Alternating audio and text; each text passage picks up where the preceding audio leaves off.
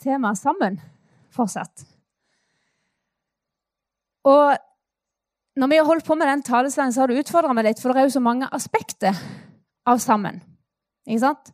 Man kan si sammen, men så mener man egentlig ganske mye. Og så syns jeg det var så fantastisk når jeg skulle eh, undervise i 5. klasse på LKG om samfunnet. Så kjente jeg bare en sånn frihet når jeg kunne få lov til å fortelle at vet du noe? Det er faktisk Gud som har skapt fellesskapet. Det er ikke noe som bare mennesker har funnet på, men det er Gud som sa at det skulle være sånn. Og så kjente jeg bare på Tenk at vi faktisk Det å være sammen, det er noe som Gud har sagt at vi skal være. Og når jeg sto der foran 50 klasse, så fikk jeg bare en sånn, en sånn tanke om at wow, dette har faktisk vært ifra skapelsen av. Og så er det Gud som har gjort det sånn.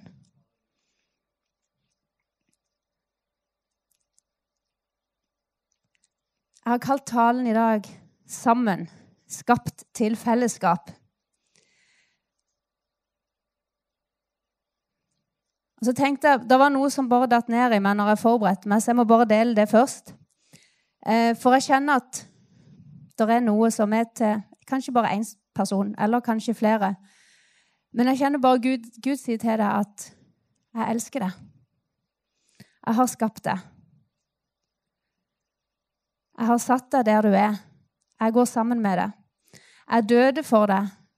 Og hadde det bare vært du, så døde jeg for deg. Jesus gikk dødens vei akkurat for deg.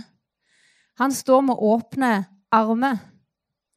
Det står i Efeserne at den samme kraft som, Jesus, som Gud reiste Jesus opp for de døde med, den bor i deg. Og når du føler deg alene, så er han akkurat der. Når du føler du faller, så er Guds armer like åpne. Når du tror at 'nå har jeg virkelig gjort det store', så har han betalt for det òg. Så er armene fortsatt like åpne. Det er akkurat som faren som løper den bortkomne sønnen i møte. For faren så var han alltid en sønn. Men sønnen han følte kanskje ikke at han var det en periode, men for faren så var han alltid en sønn. Og han står med åpne armer. Sånn er det òg overfor deg. At Gud løper deg i møte med åpne armer. Uansett hvor mange feil du har gjort, så strekker hans kjærlighet alltid lenger. Mm.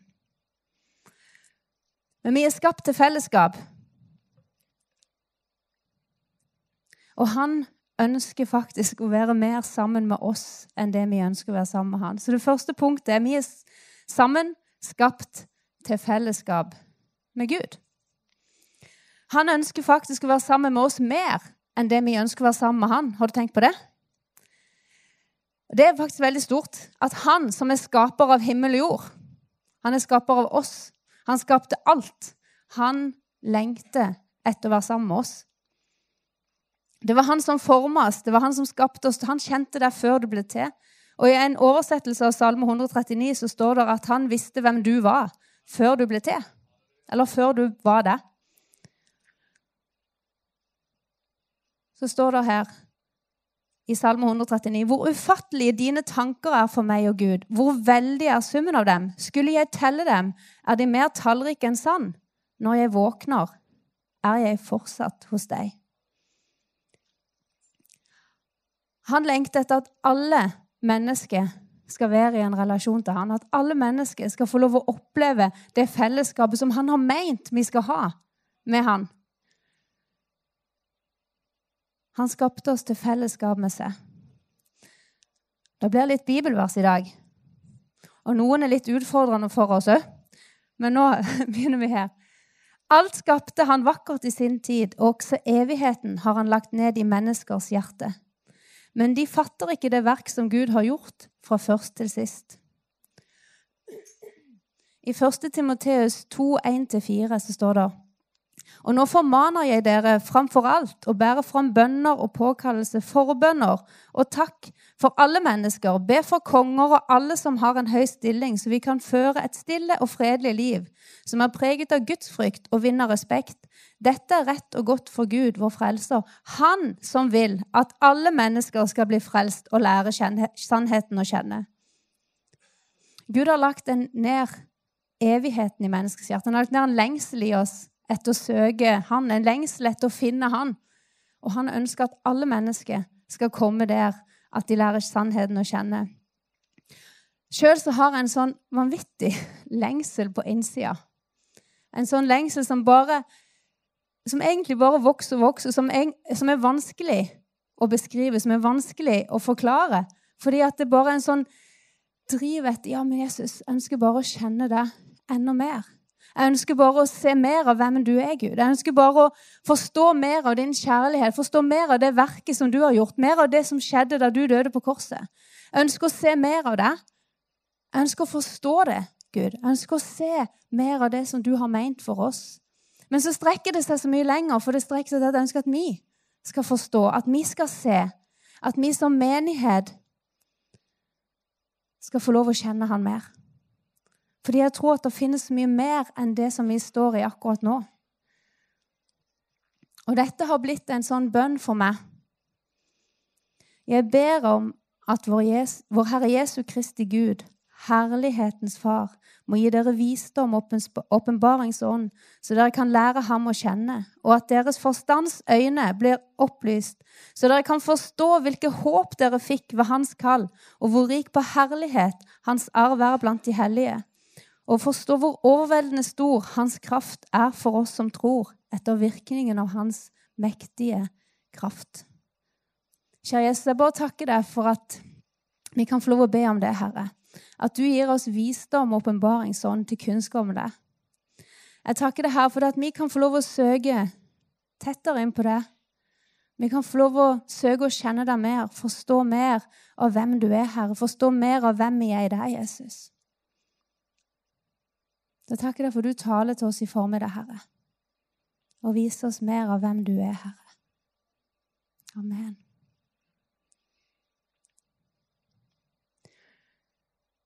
Vi er skapt ikke bare til fellesskap med Gud, men vi er skapt til fellesskap med hverandre. Og det er her det blir litt utfordrende. For hvis det bare var oss og Gud, da hadde det bare vært oss og Gud. Men så sier Gud at han så at det ikke var godt for mannen å være alene. Så derfor så skapte han òg kvinnen. Og da var de plutselig to. Til mann og kvinne skapte han dem, står der. Han skapte oss til fellesskap. Fellesskap med hverandre. Det betyr at vi er, skapt, for å leve i relasjon med hverandre. Vi er ikke skapt for å isolere oss eller være alene, bare være på siden det er noen ungdommer her, bare være på Facebook eh, og ikke se hverandre i øynene. Eller på Instagram, eller hvor nå ungdommene er for tida. For de er ikke på Facebook, har jeg lært.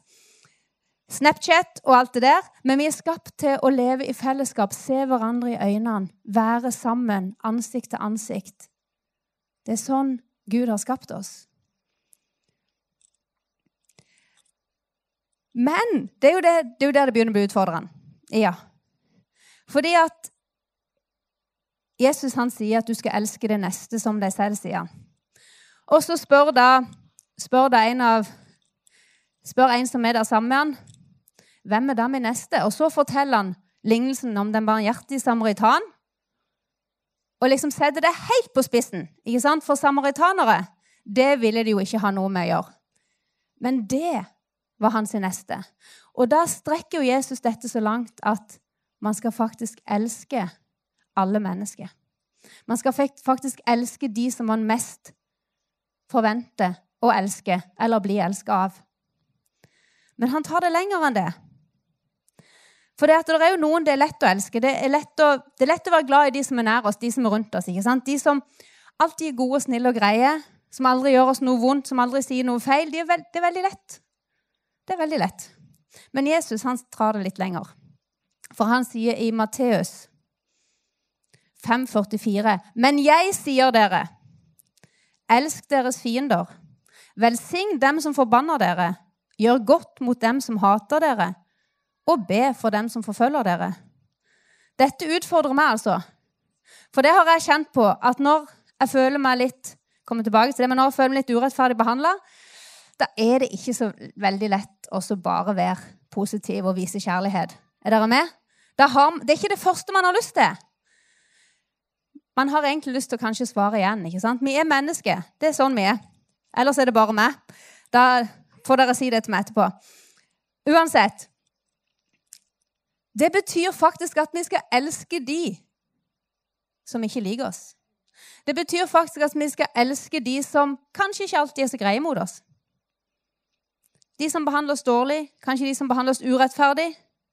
Og så skal vi gjøre godt mot de som hater oss.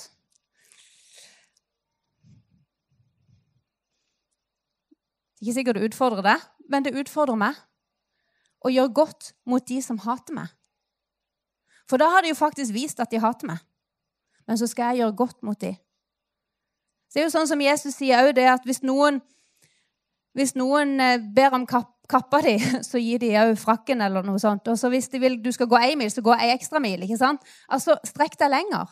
Jesus sier egentlig at vi skal strekke oss lenger enn bare det som vi tenker er lett for oss. Men for å komme der så trenger vi jo hans kjærlighet. Det er jo på grunn av hans kjærlighet i oss at vi faktisk kan gjøre det. For jeg vet i hvert fall med meg sjøl at jeg klarer ikke det i meg sjøl. For det at alt i meg skriker hvis jeg da skal gjøre det i meg sjøl. Men fordi Jesus bor i meg, så kan jeg få lov til å bare formidle den kjærligheten som Jesus har vist meg. Så står det i Johannes 13, 34-35 et nytt bud gir jeg dere. Dere skal elske hverandre. Som jeg har elsket dere, skal dere elske hverandre. Har dere kjærlighet til hverandre, så skal alle kunne se at dere er mine disipler. Så står det i Johannes 15, 11. Dette har jeg sagt dere for at dere kan eie min glede, og deres glede kan være fullkommen. Og dette er mitt bud. Dere skal elske hverandre som jeg har elsket dere. Ingen har større kjærlighet enn den som gir sitt liv for sine venner. På om vi har kjærlighet til hverandre, så skal de utenfor kunne se at vi er hans disipler, at vi er menigheten, at vi har tatt imot han. På at vi har kjærlighet til hverandre. Det står ikke her at av under og mirakler, men det står av kjærligheten som dere har til hverandre.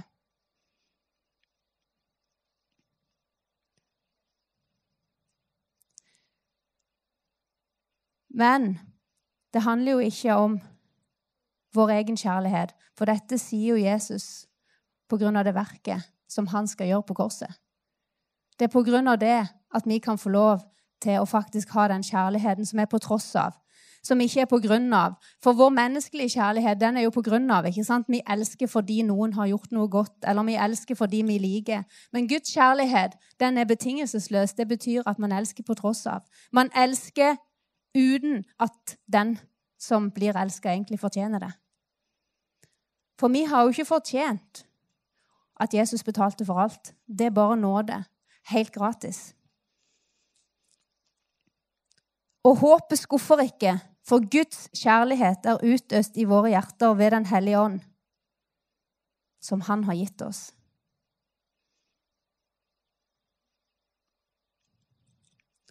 Jeg hopper over et bibelvers her, så skal jeg bare lese det for dere. Og I Efesene 3, 17, så står det det vil si at Kristus får bo i hjertene deres ved troen, idet dere tro, rotfestet og grunnfestet i kjærlighet, for at dere skal være i stand til å fatte, sammen med alle de hellige, hvor stor bredden og lengden og dybden og høyden er, og kjenne Kristi kjærlighet, som overgår all kunnskap, for at dere skal bli fulgt til hele Guds fylde han som er i stand til å gjøre langt mer enn det vi ber om eller forstår etter den kraft som virker i oss.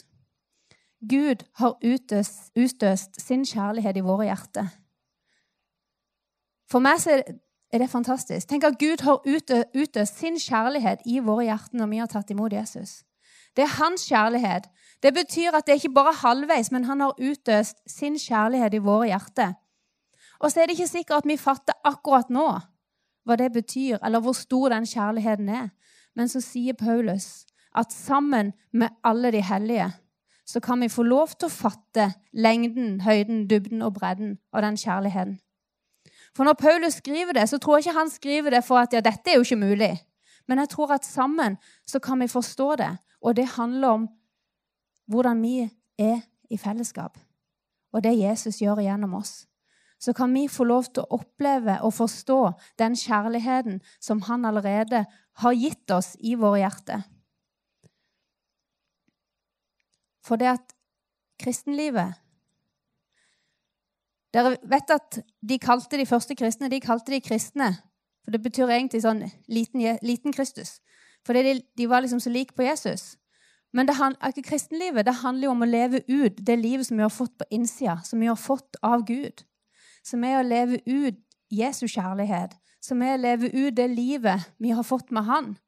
For det står at vi lever ikke lenger selv, men det livet vi nå lever, det lever vi i troen på Guds sønn.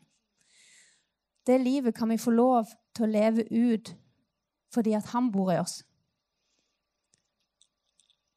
På veggen her så står det 'raus, inkluderende, åpen, helhjertet og tilbedende'. Og Det er ganske store ord, for det er ikke alltid at vi klarer å være så rause. Det er ikke alltid vi klarer å være så åpne som vi skulle ønske det. For ordene det er store ord, men det sier noe om hvordan vi ønsker å møte mennesket. Det sier noe om hvordan vi ønsker at mennesker skal oppleve oss.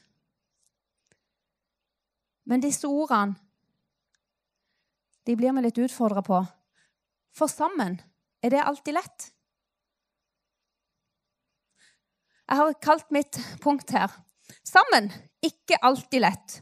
Og Det er det som på en måte er litt utfordrende med dette ordet 'sammen'. For vi snakker så fint om det, og det er veldig bra. Så ikke misforstå det jeg sier nå. Men så er det faktisk noen ganger at det oppstår store utfordringer. Og da er ikke sammen så veldig lett lenger. Det er kanskje bare jeg som har opplevd at ikke alltid sammen er lett. Men eh, da får dere fortelle meg alle svarene etterpå. Da, når Jesus hang på korset, så sa han i Lykka 23, 34, Far, tilgi dem, for de vet ikke hva de gjør. Jesus han hadde ikke gjort noe galt han, når han hang på korset. Han hadde faktisk bare gått rundt og vært god mot mennesket. Han hadde ikke gjort noe annet enn å helbrede. Han hadde løfta mennesket opp. Han hadde gitt mennesket en ny sjanse. Han hadde elska mennesket. Han hadde rett og slett bare vært god. Men han blir beskyldt for Og så blir han hengt på et kors. Han får beskyldninger på seg, så får han en straff og blir hengt på et kors. Og nå, ja, han måtte dø for at veien til Gud skulle bli åpna for oss. Men de som gjorde dette, de trodde faktisk at de, tok, at de virkelig tok livet av han, ikke sant? Han ble, Hvis vi ser det sånn i våre øyne, så ble han urettferdig behandla. Og det til det ytterste, ikke sant? Men Jesus sier, 'Far, forlat dem', eller 'tilgi dem', for de vet ikke hva de gjør. Og så sier Paulus i Filipperne 2,5.: La dette sinn være i dere som også var i Kristus Jesus. La dette sinn være i dere som også var i Kristus Jesus. Jesus er vårt største forbilde, og vi har fått hans kjærlighet i våre hjerte. Men det er ikke alltid lett. Hvis vi bare ser på den historien som jeg, nevnte litt, om den bortkomne sønnen her på begynnelsen Men det var en hjemmeværende sønn han ble ikke så glad når den andre sønnen kom hjem. Han ble faktisk sjalu og misunnelig og opprørt, sint kanskje, fordi at denne sønnen ble tatt så godt imot.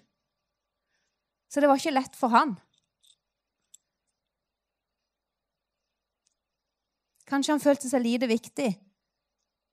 Han som hadde gjort alt rett hele tida.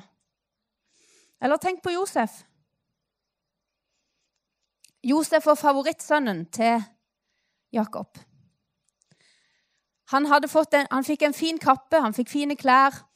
Han eh, drømte drømmer og tyda de, men han var kanskje litt for snar med å fortelle de til brødrene sine. Men hva gjør brødrene? Jo, når han kom ut med mat til dem på markene, så tar de kappen hans sin, og så har de egentlig bestemt seg for at de skal ta livet av ham, men de, han, de selger han som slave til Egypt. Og så gir de kappen med blod på til faren og sier at han har blitt spist av rovdyr. Hva med Josef? Josef hadde all grunn til å bli sint. Han hadde all grunn til å hate sine brødre, hvis man tenker sånn i menneskelige øyne. ikke sant? Han hadde blitt skikkelig, skikkelig dårlig, urettferdig behandla. Han hadde jo ikke gjort noe galt. Men hva gjør Josef? Han fortsetter å gå i det han alltid har gått i. Han løfter blikket på Gud. Det står faktisk at når han kommer til Potifar, så ser Potifar at Herren er med han. Og han får velvilje hos Potifar. Og han blir faktisk satt til å være leder for hele hans hus. Men så, da? Nå går jo alt så bra. Men så kommer kona til Potifar, og hun vil jo veldig gjerne Hun prøver seg på Josef, for å si det på den måten. Men Josef han vil ikke. Og så ender det opp med at selv om han gjør det rette, ikke sant? Selv om han gjør det rette, så blir han beskyldt for å ha prøvd å ligge med henne. Og så blir han kasta i fengsel. Det står at han ble satt, det, satt sammen med fangene til kongen. Han blir kasta i fengsel, beskyldt for å gjøre noe han absolutt ikke har gjort. Men hva skjer så? Er Josef nå sint? For det tenker jeg, Hva hvis vi hadde opplevd det? Hvis vi hadde vært Josef, virkelig opplevd å bli beskyldt for ting vi ikke hadde gjort, og så bli straffa for det i tillegg? Ikke sant? Ingenting nytter. Ingenting vi sier, det blir Det hjelper ikke. Men Josef, han bevarer sitt hjerte. Han fortsetter å ha blikket festa på Gud. Han lar ikke de tingene som skjer, påvirke hans sitt hjerte. Så står det at han fikk velvilje hos fangevokteren. Og så fikk han ansvar for alle fangene i fengselet. Josef han bare, Det var bare framgang overalt hvor han gikk. Men han bevarte hjertet sitt.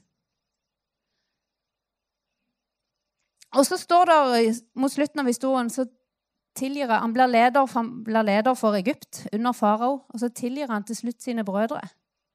Men det er så lett i en sånn historie For hvis, hvis jeg tenker med mine, bare med mine menneskelige øyne, så er det lett å tenke ja, men hallo, de burde jo bli straffa. Eller de, han burde jo virkelig ha tatt de ei skikkelig stripe. ikke sant? Altså, hallo, Det de gjorde, var jo galt. Altså, Det var jo derfor han var kommet til den situasjonen. Hadde havna i fengsel og alt mulig. Men nei, Josef tilgir de. Og så tar han de inn der som han bor, og så får de det godt. Eller hva med David? David han hadde òg bare Kong David, altså. Kong David hadde bare gjort alt godt. Han hadde Gjetersauen hadde gjort det han fikk beskjed om. Han vant over Goliat. Han var spilte for Saul når Saul følte seg dårlig. Men så fikk David velvilje hos folket, og så ble Saul misunnelig. Og så jager Saul David. Men, men David, han bevarer sitt hjerte. Så selv når han egentlig har sjanse til å ta hevn og få slutt på dette her, så velger han å ikke gjøre det. Han bevarer hjertet sitt og lar ikke det som de rundt han gjør, påvirke det. Så kan vi jo ta med Jonathan, da, som var sønn til Saul. Han kunne jo ha følt seg forbigått. Forbigått det kan vi ha kjent på noen ganger. Han kunne jo ha følt seg forbigått. For det var jo han som egentlig skulle bli konge.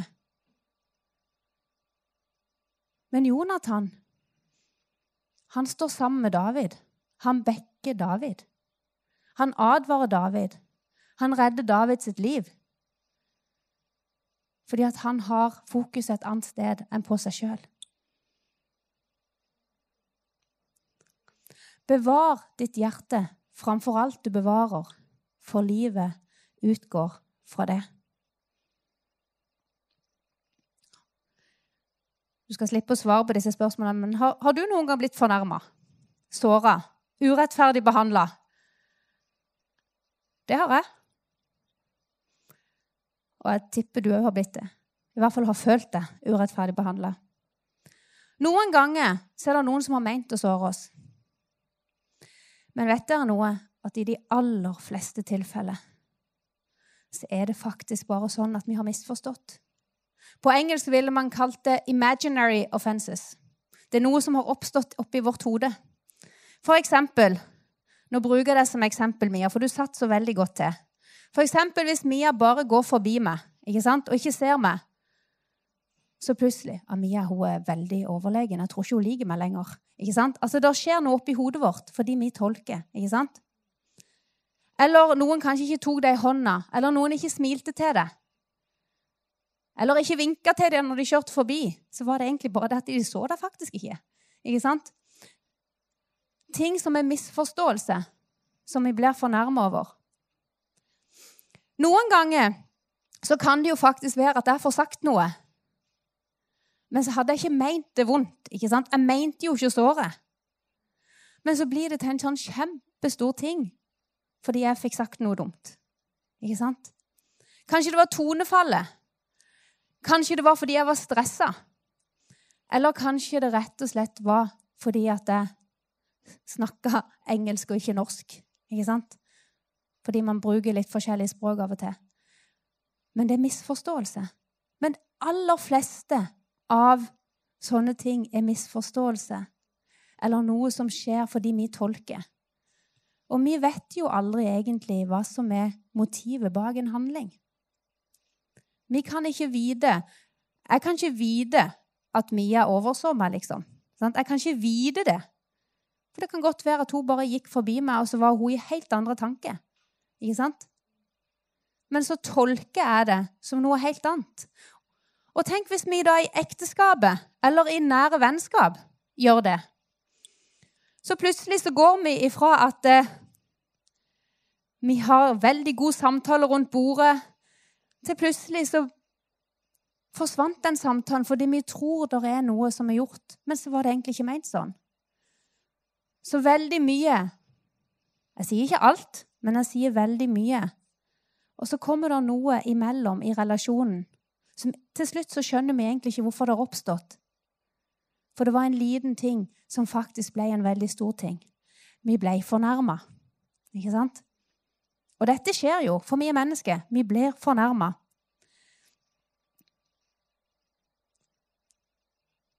Og så kan det jo være, da Nå er du litt utsatt i dag, Mia. Men så kan det jo være det at da går jeg videre til Charlotte som forteller om hva Mia har gjort. ikke sant?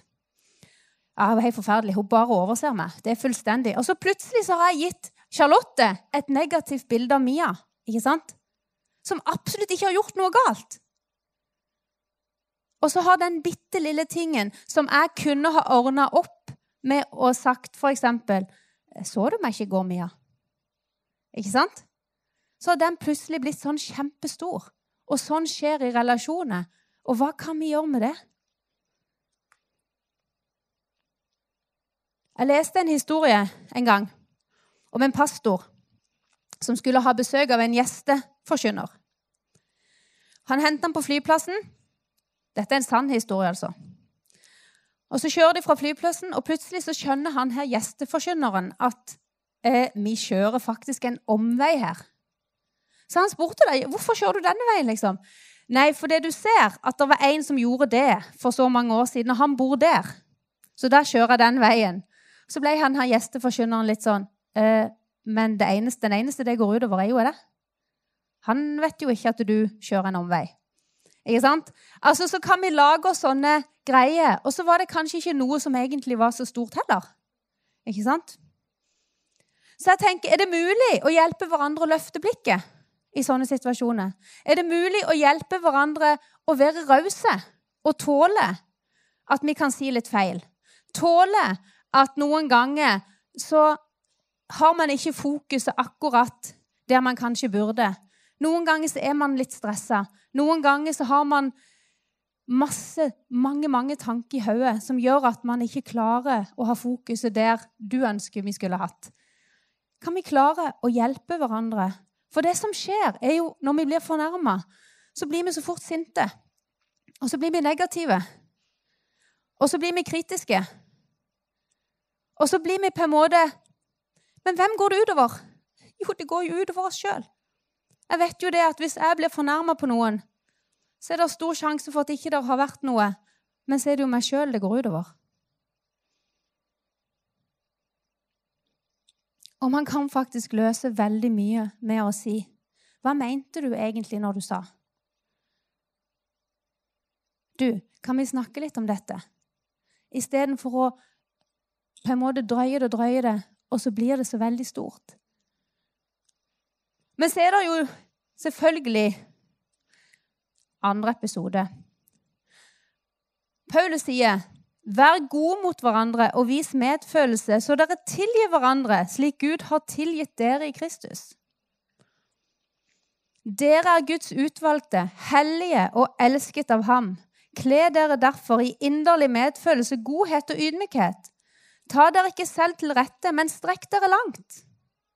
Så dere bærer over med hverandre og tilgir hverandre hvis den ene har noe å bebreide den andre for. Som Herren har tilgitt dere, skal dere tilgi hverandre.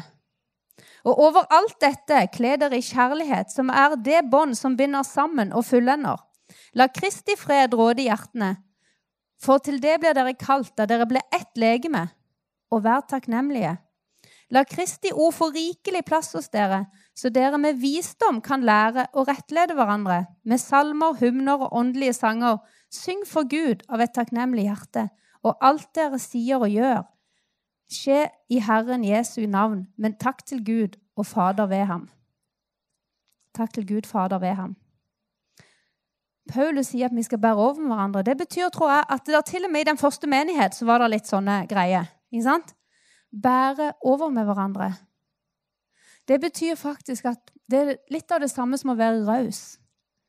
At vi tåler.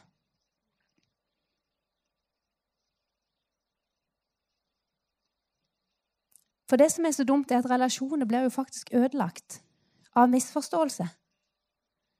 Av ting som egentlig ikke var ment sånn, så blir relasjoner ødelagt. Og tenk om vi kunne få lov å bevare de relasjonene fordi vi tok tak i det. Det greske ordet som er oversatt til tilgi, det betyr faktisk la fare, la gå, sende bort eller gi avkall på det som noe skylder en, ved ikke gjøre krav på det. Det som er så fantastisk, er jo at hvis vi, hvis vi er fornærma, men vi så på en måte bare tilgir eller legger det vekk, så slutter vi å være sinte. Ikke sant? Det skjer noe med oss på innsida. Men det, det å tilgi betyr jo absolutt ikke at hvis det har skjedd noe som ikke er greit, at vi skal godta det. At vi skal si det var greit. For det var det ikke. Det handler ikke om det. Å tilgi betyr ikke at man syns at noe, det som har skjedd, er akseptabelt. Det betyr heller ikke at man later som om ikke det har skjedd. Og det betyr heller ikke at man lar andre utnytte oss. Men det handler om at vi faktisk hever oss over det. For at de har ansvar for det de gjør. Og så kan vi få lov til å velge å faktisk gå videre. For når vi blir sinte og bitre, så går det så veldig utover oss sjøl. Men hva da når noen har meint å såre deg? Det er jo da det begynner å bli veldig vanskelig. Kanskje man føler seg tråkka på, lite verd. Kanskje det har skjedd over tid. Og vet du noe? At hvis det er sånne alvorlige ting som har skjedd, så trenger man kanskje hjelp til å bearbeide det, og hjelp til å komme videre. For da skal man ikke bare si at du må bare tilgi. For ja, Gud, Bibelen sier vi skal tilgi. Men faktisk noen ganger så er det en lang prosess å komme der. For man trenger å bearbeide ting som har skjedd. For noen mennesker opplever ting som er langt verre enn det vi kanskje kan forestille oss. Og da skal vi være med visdom når vi snakker med dem om de tingene. Men Josef han hadde grunn ja, jeg kan si det. For uansett om du har opplevd tøffe ting, så er det ikke meninga at du skal være fanga pga. noe som andre har gjort mot deg. Du er kalt til å være fri. Og det er litt viktig å si, for du er kalt til å være fri. Den som har gjort det, må stå til ansvar for det han har gjort, men du er kalt til å være fri. Josef hadde grunn til å være sint, men han valgte å holde hjertet sitt nær til Gud. Paulus ble urettferdig behandla, men han løfta fokuset opp mot Gud. Og jeg tror vi trenger å løfte blikket, så ikke vi, sett, så ikke vi setter oss fast i skuffelse og fornærmelse, men at vi sammen kan få lov til å minne hverandre om at det er lov å si feil ting. Så kan vi være rause. For noen år tilbake, til mange arbeidsplasser siden, så opplevde jeg å bli veldig urettferdig behandla på jobb. Eh, jeg hadde faktisk ikke gjort noen ting. Det var sånn, Plutselig ut av det blå så ble jeg beskyldt for å ha sagt og gjort ting som jeg bare tenkte i alle dager, hvor kommer det ifra? Men jeg ble beskyldt for det. Og, og jeg prøvde liksom å si ja, men dette stemmer ikke, men jeg ble ikke trodd. Hun som hadde på en måte varsla om det jeg hadde gjort, hun ble trodd. Det var ingen gehør for det jeg hadde å si i det hele tatt. Og jeg kjente jo Du, du blir ganske, du føler deg fanga. Føler deg litt sånn Hva gjør jeg nå? ikke sant? Så hadde jeg en kollega. Hun var over 60 år på det tidspunktet. Så sa hun til meg du har ikke gjort noe galt. Nå går du med hodet høyt heva når du kommer på jobb i morgen. For dette handler ikke om det. Dette handler om de. Hun bare plasserte det og tenkte wow, det var ganske sånn brutalt. Og så sa hun til meg når vi satt inne på kontoret hos sitt, for det var ganske tøft, så sier hun til meg Du, når vi sitter her nå, så tenker jeg på de ordene som Jesus sa når han hang på korset. Tilgi dem, for de vet ikke hva de gjør. Og det gjorde noe med meg. Det gjorde noe med meg. Hun, hun var så langt jeg vet, så hadde hun, var hun søndagsskole. Hun hadde det for søndagsskolen og hadde vært i kirka. Det var ikke noe vi pratet om til vanlig, men de ordene kom til henne. Og så med de ordene så skjedde det noe i meg. For jeg skjønte at jeg kan faktisk heve meg over dette. Jeg har jo faktisk ikke gjort noe galt. Og det endte jo opp med at selv om jeg da gikk, fra, altså for, gikk over en annen jobb, så kunne jeg gå med hodet høyt heva uten at jeg på en måte ble nikktrykka ned av det som ble sagt og gjort. Men det var en kjempetøff opplevelse, og det var et valg. Men så er det òg ting som er kjempetøffe, som er litt vanskeligere å bare heves over, ikke sant? Men så handler det om at vi har Gud, og han hjelper oss. Vi har fått Jesus kjærlighet i våre hjerter. Og nå vet jeg at dette utfordrer oss litt. Kanskje du, kanskje du sitter med en situasjon som du tenker på. Kanskje Gud har minnet deg om noe. Så tenker du 'Å, nei'. Eller du tenker 'Å, nei, dette går ikke'. Men det handler ikke om noe du skal gjøre i deg sjøl. Det handler om at vi kan få lov til å få hjelp av Gud. For han har utøst sin kjærlighet i vår hjerte. Han elsker oss. Han har frelst oss. Det er han som har satt oss fri. Det er Jesus som setter fri. Det er han som er sannheten. Og så kan vi få lov til å heve oss litt. Vi kan få lov å riste det litt av oss. I hvert fall når det er sånn misforståelse. Kan vi shake it off. ikke sant?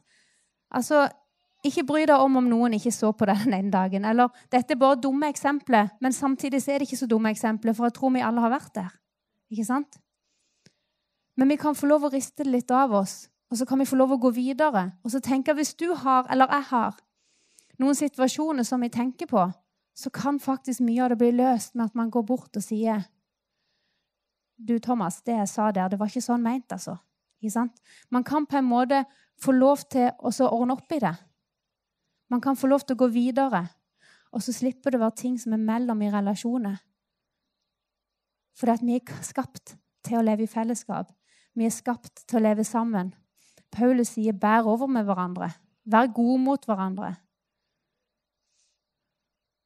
På den kjærligheten som er mellom oss, så skal folk se at vi er hans disipler.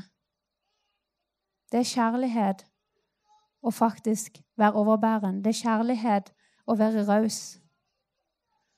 Og så er det kjærlighet å løfte andre opp og være med og støtte når det er virkelig er situasjoner hvor man trenger hjelp og støtte. Men vi kan få lov til å heve oss over. Kjære Jesus, jeg takker deg for at du er, du er vår klippe. Du er den som vi står godt planta på. Du er vår tilflukt, du er vår borg, du er vår fred.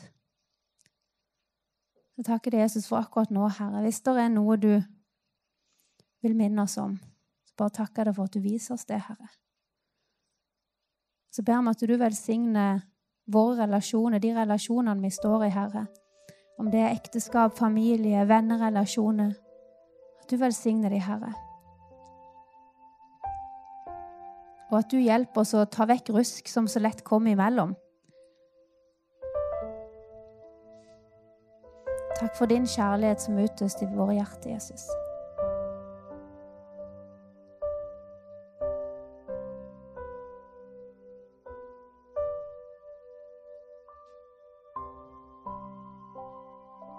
Vi løfter blikket på deg, Jesus. Du som er troens opphavsmenn og fullevner.